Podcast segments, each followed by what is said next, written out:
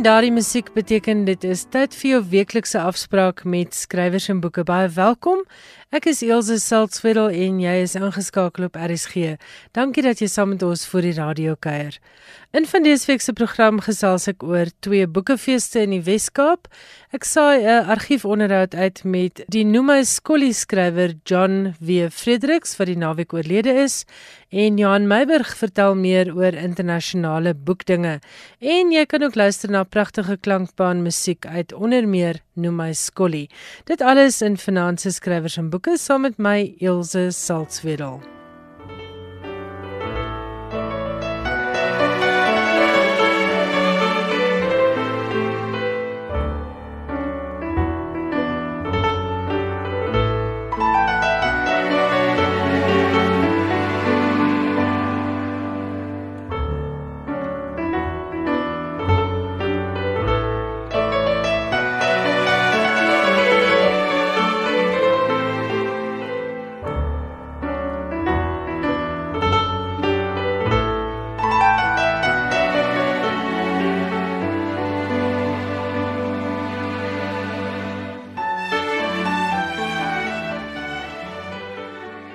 Binne die volgende paar weke vind daar twee uiteenlopende boekfeeste in die Wes-Kaap plaas. Ek gaan nou gesels met Mariletta Mandi, die toerismebestuurder van Montetjie, en sy gaan vir ons vertel waarna lesers kan uitsien tydens die Montetjie Boekfees wat van 25 tot 28 Julie in Montetjie gehou word. Vrydagoggend lei ons alreeds die boekefees in met plaaslike skrywers soos Dot Mitchell, Andre Erasmus, Colin Johnson En dan het ons vir Patricia Schonstein met haar wonderlike gedigte voorlesings oor portraits of dorpies in klas. Die middag, daai selfde middag, maak ons op plek vir Don Pinnock wat kom gesels oor sy splinter nuwe boek oor die olifante. Ons het vir Sue Kemp, ons het vir Melissa Volker en die aand is dan die groot paneelbespreking oor politiek wat dan nou gelei word deur professor um, Jansen en Jan Jan Joubert en Christie van der Westhuizen hulle gaan diep in die kristalbal loer om te kyk wat is die scenario's vir die politiek. En dan die aand word dan natuurlik altyd afgesluit met heerlike musiek. Die die eerste aand is plaaslike sangers en Saterdag gaan ons weer aan, sommer vroegoggend begin ons dan weer met mense soos Finuela Dowling, Irma Joubert en radioman John Mason en Tanya Smit, Ekobore Farm Die middag gaan ook David Dreer vir ons kom 'n kookinspirasie doen met met van sy kookboeke wat hy geskryf het terwyl hy deur sy heroïese togte Indië en China gegaan het. En die Saterdagmiddag sessie word ingelei deur Willem Verwoerd, My Journey Through Family Betrayals, waarin hy dan ook om vrede te maak met sy eie familiegeskiedenis en professor Duncan Brown en verskeie ander skrywers sal vir ons dan nou dwars deur besig hou. Die Sondag is die laaste deel van die program met 'n wonderlike deel van die ehm um, kerke. Ons gaan praat oor die die kerk na gemeenskapsbouer en daar's ook 'n hele paneel wat daaroor gaan praat en sonoggend begin met Jopie Kutse met sy nuwe boek aangeraak wat hy dan nou juist praat oor karakters uit die paastyd. En jy het 'n skryfskool wat ook hierdie boekfees voorafgaan. Ja, ons het 'n wonderlike skryfskool wat begin op die 22ste en dit word gedoen deur Rihanna Skeepers en dan word dit aangebied by een van die mooiste plekke hier in Montetjie, ehm um, Jonkmanshof, deur Hein en Jock. En dit word dan nou verder gelei deur hulle ook om vir die mense sommer so ietsie van die koskant ook te doen, wonderlike vars kos en kruie uit hulle tuine, so dis 'n bietjie van 'n kook en 'n woordfees, 'n heerlike winterfees. Goed, nou moet jy vir ons vertel waar kan mense bespreek vir die skryfskool sowel as vir die boekefees en natuurlik wat kos al hierdie dinge. Die beste vir die besprekings is ons is nou nie ons is nou nie op 'n op 'n aanlyn bespreking nie. Die beste vir besprekings is is om vir my te kontak by die toerisme kantoor of vir my 'n e e-pos te stuur op mareletta m a r e l e t t a @ loud advertising l o u d advertising.co.za of jy kan ons op die kantoor skakel op 023 614 2471 die skryfskool is vinnig besig om vol te raak so hoe gouer die navraag vir die skryfskool inkom hoe beter want dit is baie eksklusief daar kan basies net 11 mense geakkommodeer word En al die ander besprekings kan jy doen. Die naweek se kaartjie, jy kan 'n naweek pas koop. Dis maar R150 vir die hele naweek. En as jy dan net een dag wil bywoon, is dit R100 en as jy net 'n sessie wil bywoon, is dit R50. So dit is eintlik die moeite werd om 'n naweek kaartjie te koop want dan kan jy alles bywoon. Dan kan jy alles bywoon. Die enigste die enigste item wat 'n aparte prys het, is die is die optrede op die Saterdag aand. Adam Smil, ons sal hier jou deur Tribal Echo. Dit is 'n aparte een en die prys vir daai kaartjie gaan in elk geval so laag wees so R70. En waar kan mense gaan kyk na die program as hulle nou meer in detail wil beplan aan 'n naweek in Montetjie? Heidiglik is ons besig om daagliks die profile en die stories en die alles op te sit op die Facebook wat dan nou is Montetjie Boekefees Book Festival en dan ook op Montetjie Toerisme se webblad kan hulle ook gaan kyk www.montetjie-ashton boekefees.info. Dit was Mariletta Mandi sy het met ons gesels oor 'n boekefees wat van 25 tot 28 Julie in Montetjie in die Wes-Kaap plaasvind en daar is ook 'n skryfskool van 22 tot 25 Julie. Alle inligting dan op die Montetjie webwerf. Of hou die Facebook bladsy dop van Montetjie Boekefees, Montetjie Book Festival. En as jy enige ander navrae het, ek is seker daarvan Mariletta gaan help. Haar telefoonnommer is 023 614 2471. Dit is tydens kantoorure 023 614 2471. Dit is die Montetjie Toerisme kantoor en jy kan ook sommer by hulle uitvind oor verblyf. Die ander boekefees waarna Weskaapenaars kan uitsien is die Elgin Grabouw Krimifees wat plaasvind vanaf 9 Augustus tot Sondag die 11de Augustus. Soos die naam aandui, is hierdie 'n boekefees gemik op liefhebbers van misdaadfiksie en daar's inderdaad 'n baie indrukwekkende lys van skrywers wat tydens die Elgin Grabouw Krimifees gaan optree. In 'n baie interessante gesprek die Vrydag Stitching Together the Fabric of a Fractured Society, Moira Fisher, Sally Andrew, Michelle Rao en Joanne Hitchens neem deel aan hierdie gesprek. In die volgende gesprek, wie steun die speurders? Is daar vier skrywers, Jeanette Stals, Andrew Brown, Sally Andrew en Dion Meyer en hulle gaan gesels oor die gemeenskap wat saam met 'n speurder werk om misdade op te los. Die Saterdagoggend gesels Irna van Sail, Karen Breinhardt, Bettina Weingart en Chanet Pol oor die rol van vroue skrywers in die krimi genre. En later die Saterdagoggend gaan vier skrywers gesels oor die druk op skrywers om aan te hou produseer. En Dion Meyer, Karen Breinhardt, Rudy van Rensburg en Bettina Weingart gaan deelneem aan hierdie gesprek. Nog 'n lekker Saterdag gesprek by die Elgin Grabouw Krimifees is Sally Andrew, Martin Stein, Andre Kreur en Rudy van Rensburg wat gaan gesels oor kwesbare speurders wat kragte meet teen bedrewe boosdoeners. Gemeenskappe raak keelvol vir geweld en neem dan die reg in eie hande. Maar hoe gemaak met vigilantes en wraak? En die skrywers wat gaan deelneem aan hierdie gesprek die Saterdagmiddag is Bettina Weingart, Irna van Sail en Chanet Paul.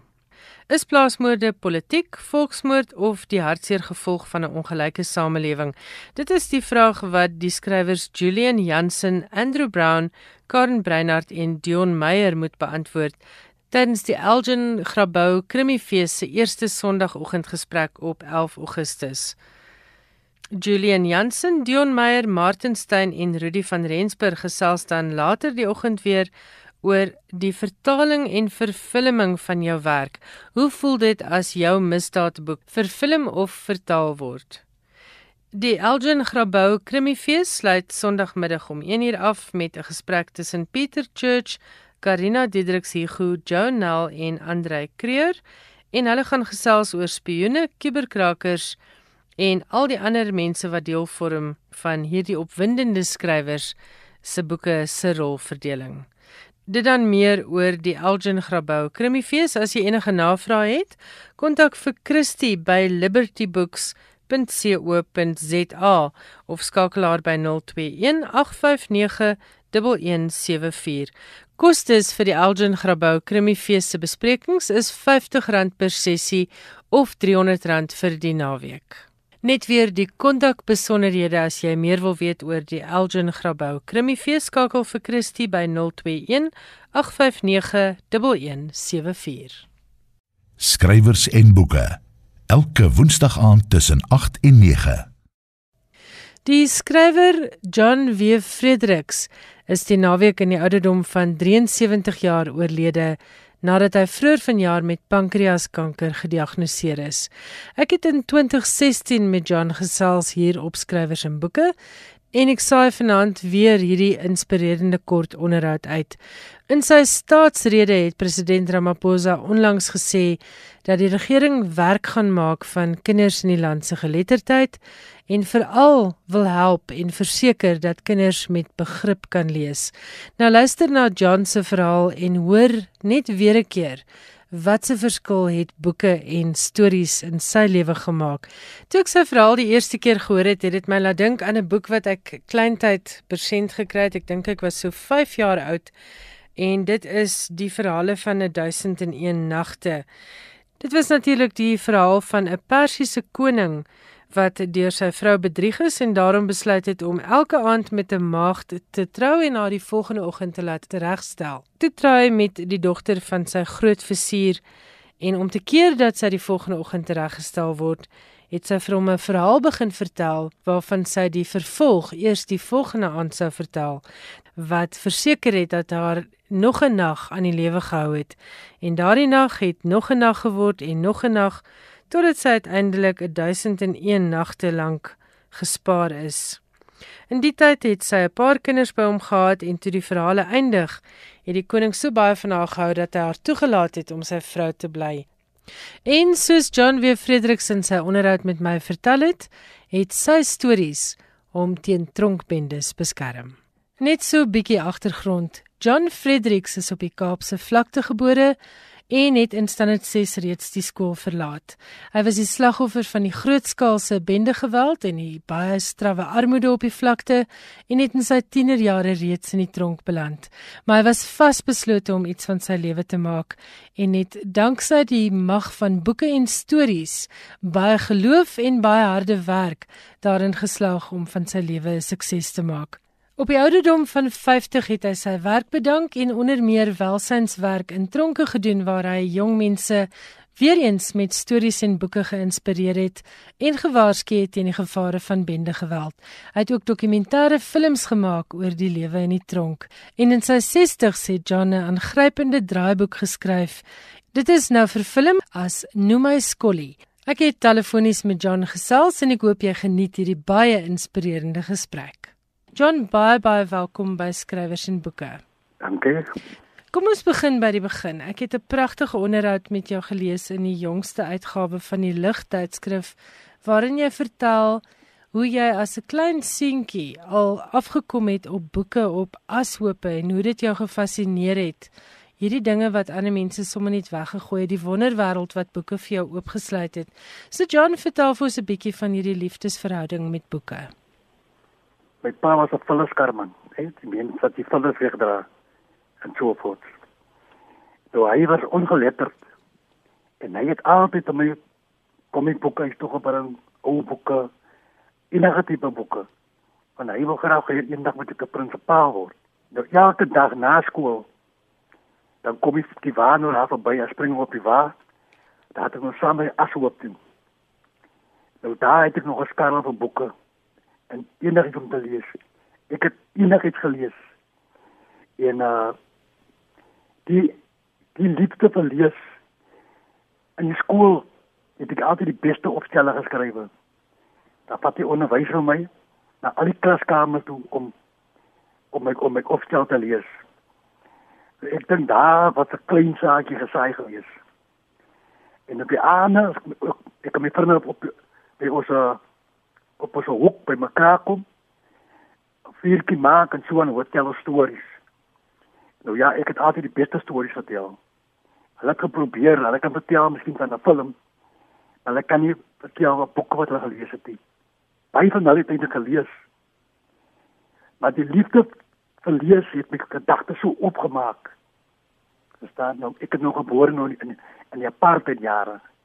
En vir my was apartheid was nog normaal want so het ek gebore geraak met my ma met pad al die wette geken sy moenie dit doen nie sy moenie dit doen nie en almal die goeders nou ja so my gedagte oop gegaan tot besef want dit is glad nie dis nie normaal nie. Verstaan, ek kan lees dan kan ek as ek in ander lande dan kan ek ander dan leer ek ander kulture. Nou ja, eendag toe ek het my verkeerde kan gekies van die pad. Verstaan, toe ek my betrokke geraak en misdaad en dit tipe van goed. Van die die plek wat ek gebore is, is maar 'n robbe plek. Waar was dit, uh, John? Dit is nou in Kiutan Eflon. Dit was nou mos maar bendes en baie min kinders het eintlik maar ontsnap van die bendes en misdaad. Dis baie ja. En baie van ons wil ook soos die bendes is, verstaan nie? Anders het, het die droom het hulle oorkom, maar vir anders was dit gewees in, in Engels 'n rite of passage.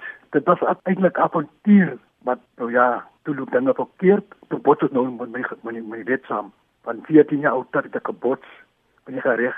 Dit het 14 houe gekry, nog leefstraf. En met die verloop van die jare het ek nog 30 latte gekry. Ek het op die ouderdom van 17 jaar oud, toe vang hulle my nou binne in 'n winkel in. Nou ja, daar het nie tyd om te onskuldig te pleit nie, want sy is in die winkel gevang. Ek was 17 jaar oud. Destyds was daar nie van jeugdiges een kant en ouer mense een kant nie.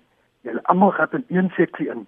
Dis nou in Polsmoor, nou in die ja, tronk. Dit, dit, ja, dit is die ou Polsmoor tronk, dis die singdak tronk gewees. Ja. Daai het daardie tyd ontstaan die Polsmoor tronk, maar nou daar is toe ontstaan in in ons het daardie fondasie gaan gooi my bloed en my sweet en my trane lê gebeure in fondasie van daai tronk. Dit het stampe geslaan dat jou hande oop was. Hy kry blaas en pas dit oop, maar die bewaarders wil niks weet van hy nie. Op sy werk op sy geokrasie af en Sondag verloor hy drie maaltye. Nou ja, ek en man wat dan ou. Nou ek kan nie nog bekostig om om om nie te eet nie. Staan nie. Ja. Want as jy by drie maaltye nie geëet het op 'n Sondag nie. Maandagoggend dan kry jy jou pap sonnesuiker en jou koffie met die bluestone in. Verstaan jy? Dat jy ja. heeldag swak, dan doen jy dieselfde dieselfde harde werk. Nou dit is maar harde arbeid. Dit is nou nie soos vandag wat hulle op hulle telefone sit en wat hulle insmokkel en rondwee en mekaar tatoeëer nie. Jy het baie hard gewerk.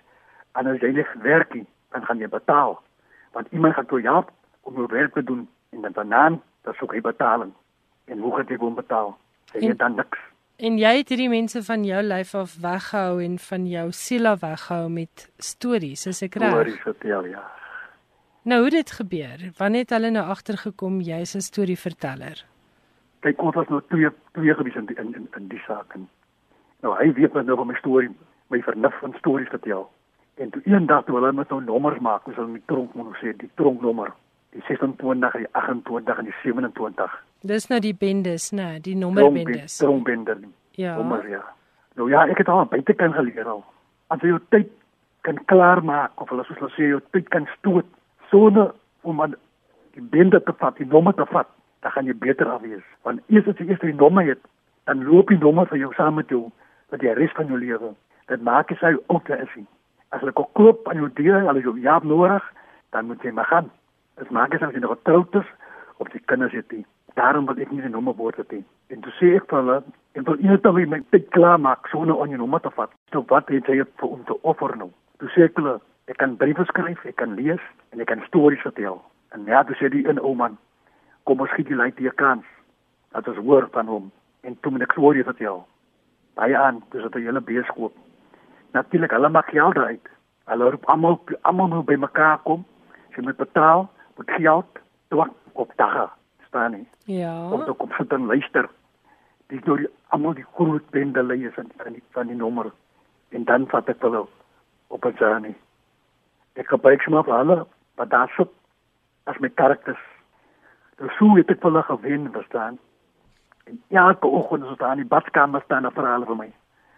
Wat speel vanaand? Wat speel vanaand? En hulle het vreeslik belang gestel. Dan betaal hulle vir my met brood op twak op vleis en dit tipe van goed. Nou John, hoe lank was jy in Polsmoor gewees? Ek was 2 jaar daar. En dit was net die eenmaal, né? Daarna het jy jou lewe reg gekry. Nie heeltemal nie. Wat gebeur? Nou het ek met nou status. Ek was nou in die tronk gewees. Nou jy kan maar besluit om binne die tronk en gaan die weer tronk te kom nie. Ek kan nou ek weet nou wat die tronk beteken. Maar nou kom jy aan die buitekant.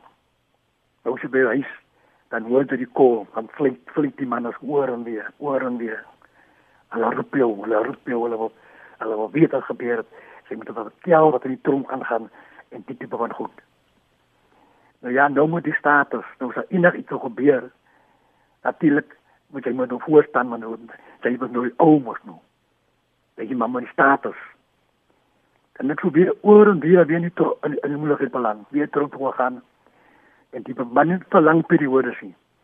Verstaan? Ja. Maar my kans om 'n goeie werk om eendag enige in die tronk wat ek moet sê, eendag wil ek kar het, hy wil hy sê het, ek wil 'n vrou hê, hy wil kinders hê. Dit is maar enige ook se drome mos. Maar hoe gaan jy huis kry? Jy het 'n misdaad rekord. Jy gaan 'n arbeider bly vir die res van jou lewe.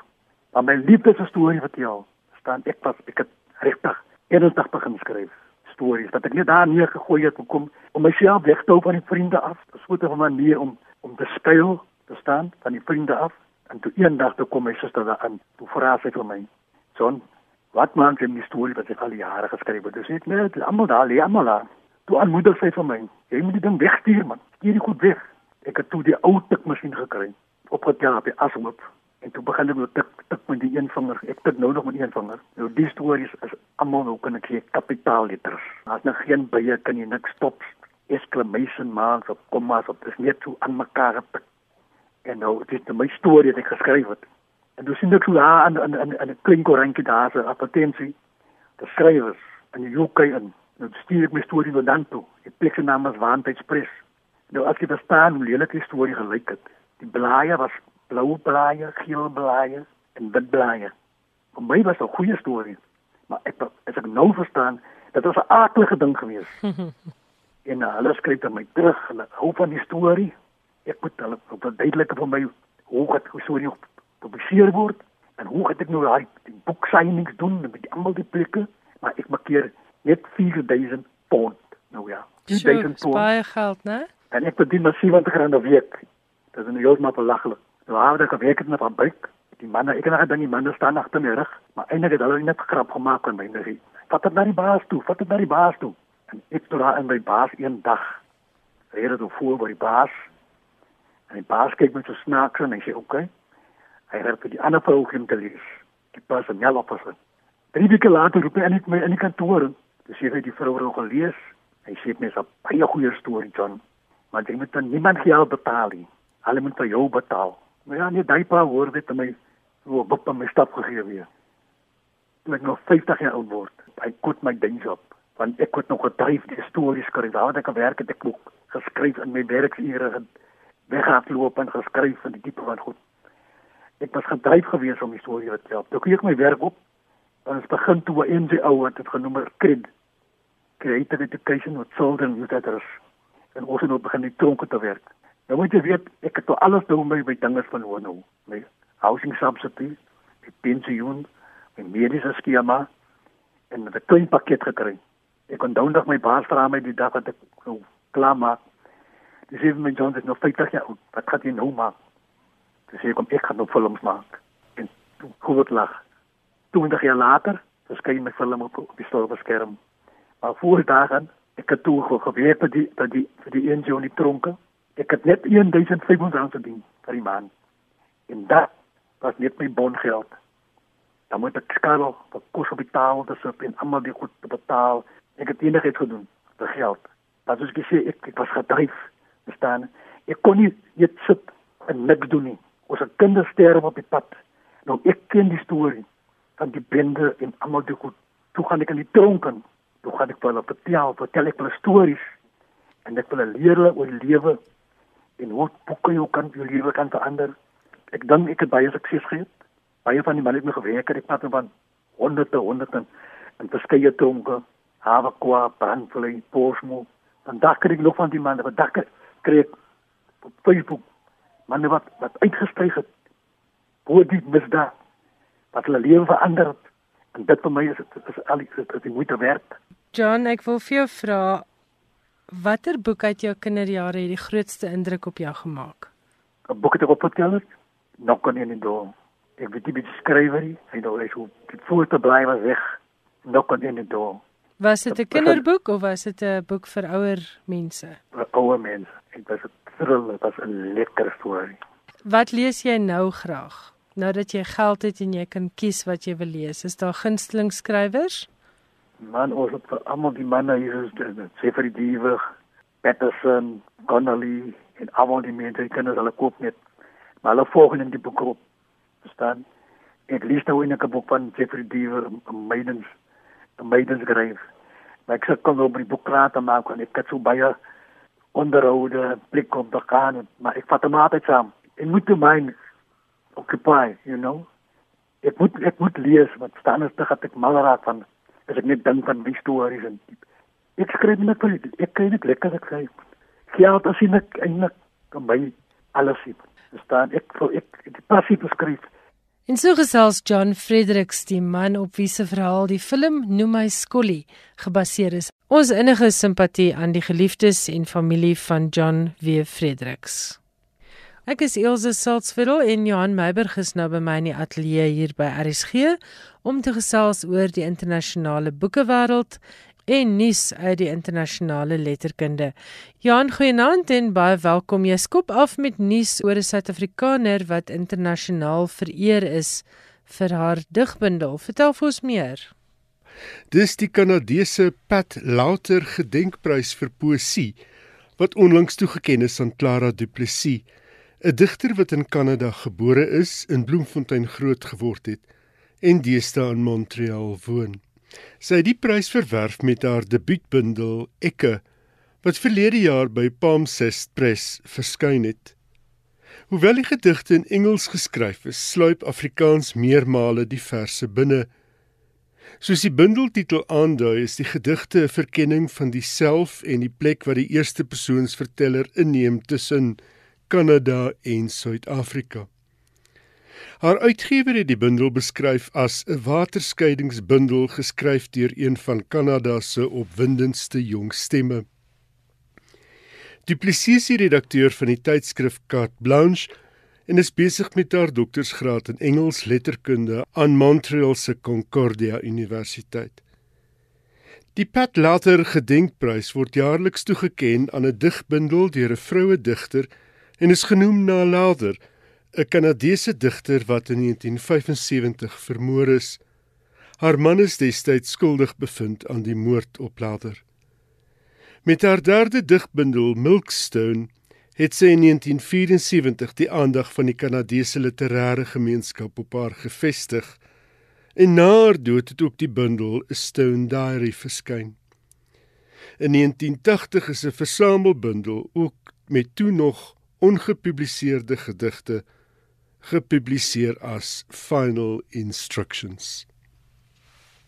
Dan het jy iets oor 'n uh, Pan's Labyrinth. Dit gebeur nie dikwels dat 'n rolprent wat sukses op die silwerdoek en as DVD gehad het, uitgegee word as 'n boek nie. Gewoonlik is dit boeke wat verfilm word. Maar dis presies wat nou gebeur met Pan's Labyrinth.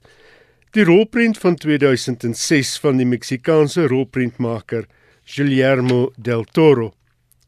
Die boek bekend as Pan's Labyrinth, The Labyrinth of the Faun, en wat bemark word as donker fantasie, is geskryf deur del Toro en die Duitse skrywer Cornelia Funke.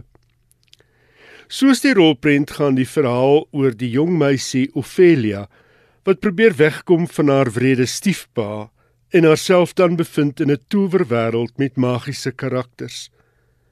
Dit beteken egter nie Ophelia se wonderwêreld is vry van wreedheid nie. En die ou vraag of onskuld oor boosheid kan triomfeer, word weer in die verhaal uitgepluis. Die roman is gemik op 'n wye gehoor van alle ouderdomme en daar is ruimskoots gebruik gemaak van illustrasies deur Allan Williams. Funke is die skrywer van fantasietreffers soos Dragon Rider van 1997 The Thief Lord van 2000 en die Inkheart trilogie van 2003 tot 2008. Die 61-jarige Duitsgebore Funke woon deesdae in Kalifornië en haar boeke word wêreldwyd vertaal. Pan's Labyrinth, The Labyrinth of the Faun deur Guillermo del Toro en Cornelia Funke word in die FSA uitgegee deur Harper Collins en in Brittanje deur Bloomsbury. Hier is 'n voorlesing uit die boek deur Tom Riviera.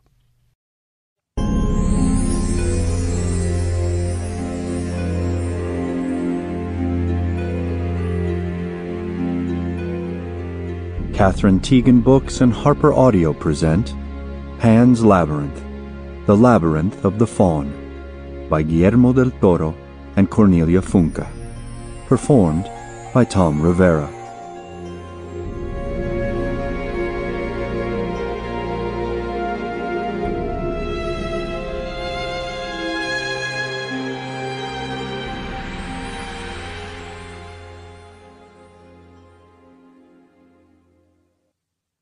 For Alfonso Fuentes and his men, who saved my house, my trees, my donkeys, my memories, and my notebooks from the Woolsey fire.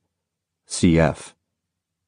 For K, the solution to all the riddles, the way out of the labyrinth. GDT.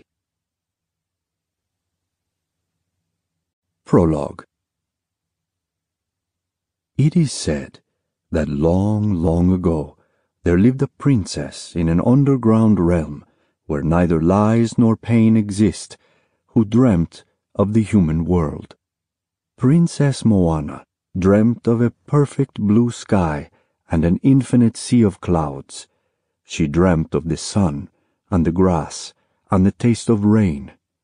So, one day, the princess escaped her guards and came to our world.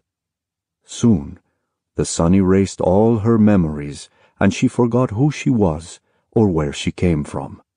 She wandered the earth, suffering cold, sickness, and pain, and finally she died. Her father, the king, would not give up searching for her, for he knew Moana's spirit to be immortal and hoped that it one day would come back to him. In another body, at another time, perhaps in another place. He would wait, down to his last breath, until the end of time. 1. The Forest and the Fairy There once was a forest in the north of Spain, so old that it could tell stories long past and forgotten by men. The trees anchored so deeply in the moss-covered soil, they laced the bones of the dead with their roots while their branches reached for the stars. So many things lost, the leaves were murmuring, as three black cars came driving down the unpaved road that cut through fern and moss. But all things lost can be found again, the trees whispered. It was the year 1944, and the girl sitting in one of the cars, next to her pregnant mother, didn't understand what the trees whispered. Her name was Ophelia, and she knew everything about the pain of loss, although she was only thirteen years old. Her father had died just a year ago, and Ophelia missed him so terribly that at times her heart felt like an empty box with nothing but the echo of her pain in it. She often wondered whether her mother felt the same, but she couldn't find the answer in her pale face. As white as snow, as red as blood, as black as coal, Ophelia's father used to say when he looked at her mother, his voice soft with tenderness. You look so much like her, Ophelia. Lost. They had been driving for hours, farther and farther away from everything Ophelia knew, deeper and deeper into this never-ending forest, to meet the man her mother had chosen to be Ophelia's new father. Ophelia called him the wolf, and she didn't want to think about him. But even the trees seemed to whisper his name. The only piece of home Ophelia had been able to take with her were some of her books. She closed her fingers firmly around the one on her lap, caressing the cover. When she opened the book, the white pages were so bright against the shadows that filled the forest and the words they offered granted shelter and comfort. Dit was die stem van Tom Rivera. Hy het voorgeles uit Pan's Labyrinth, die boek wat geskryf is deur Guillermo del Toro en Cornelia Funke. En dit is soos Johan sê nogal rar om te sien dat 'n televisiereeks of 'n film in 'n boek verwerk word, maar dis presies wat hier gebeur het. En soos ons nou hier by skrywers en boeke geleer het Johan, daar is selde 'n internasionale boekprys of letterkundige prys sonder polemiek. Waaroor gaan van dese week se prys polemiek? Met sy aankondiging dat inskrywings vir vanjaar se Stonesprys nou gestuur kan word, is die knippel weer in die hoenderhok. Die Stonesprys is 'n literêre prys wat verlede jaar tot stand gekom het met die oogmerk om rillers te beloon waarin geen vroue karakter geslaan, seksueel misbruik, verkrag of vermoor word nie. Die prys het om ten doel om alternatiewe verhale te bied rondom vroue en geweld. Kort nadat die prys ingestel is, het skrywers soos Wel McDermott en Sophie Hanna al gesê die prys is verregaande. McDermott het gesê solank as wat mans geweld teen vroue pleeg, sal sy daaroor skryf. En Hanna het haar uitgewers opdrag gegee om haar boeke nie vir die prys in te skryf nie. Nou het nog skrywers hulle teen die prys uitgespreek. Volgens The Guardian het Steve Mosby in wie se jongste roman You Can Run daar 'n karakter is wat vroue al 20 jaar lank ontvoer, gesê die gevolg van die gedagte dat misdaadskrywers wat oor geweld teen vroue skryf, die soort gedrag bevestig is nie net beledigend nie, maar ook misleidend. Baie misdaadskrywers verken die soort gegewe omdat hulle meen dis te belangrik as om onder die mat ingevee te word. Hulle skryf daaroor met sorg, medelee en omsigtigheid. Dit klink vir my al te veel asof die organiseerders van die prys nog nie baie van die genre gelees het nie, het hy gesê. Sarah Hillary, skrywer van die Mani Rowe misdaadreeks, het gesê die Stonesprys is veel meer bedoel om skrywers die sweye op te lê as te beloon. Geweld teens vroue neem talle gedaantes aan, het sy gesê. Die verneynigste daarvan is sensuur. Ons word ontmoedig om polisie toe te gaan omdat ons dalk nie geglo sal word nie. En ons word aangeraai om stil te bly uit vrees vir skande. Die prys bevestig al hierdie negatiewe boodskappe en dit ignoreer die moontlikhede wat misdaadfiksie het om juis die gewelddadige werklikheid waarin talle vroue lewe te weerspieël. Bridget Lawless, stigter van die prys, het gesê die organiseerders van die prys is besorg oor die normalisering van geweld teens vroue en die vermaakwaarde daarvan. Wel ek wil nou nie snaaks wees nie, maar Richard Lawless moet dalk maar net besef 'n mens kan 'n realiteit nie wegwens nie, want dan probeer jy daarvan fantasie maak. En die lekkerte vir my van misdaadfiksie is tog dat die boosdoener aan die pen ry. Dis die ja. een plek waar geweld teen vroue ten minste deeglik gewreek kan word. Wel, die een ding wat hierdie prys reg gekry het is uh, is dat mense hier oor nie draad sit nie. Jy is of geweldig daarvoor of geweldig daarteen. En hopelik lees al hoe meer mense dan misdaadfiksie waar misdaad teen vroue gewreek word. Ja. Jan baie dankie. Ons gesels volgende week weer en dit was Johan Meiburg met sy weeklikse insetsel oor die internasionale boekewêreld en letterkunde. Dis ongelukkig al waarvoor ons tyd het in finansies skrywers en boeke. Baie dankie dat jy saamgekuier het hier vir die radio. My e-posadres is skrywers daarmee groet ek Elsje Salzwetel tot volgende woensdag aand om 8uur wanneer dit weer tyd is vir skrywers en boeke. Totsiens.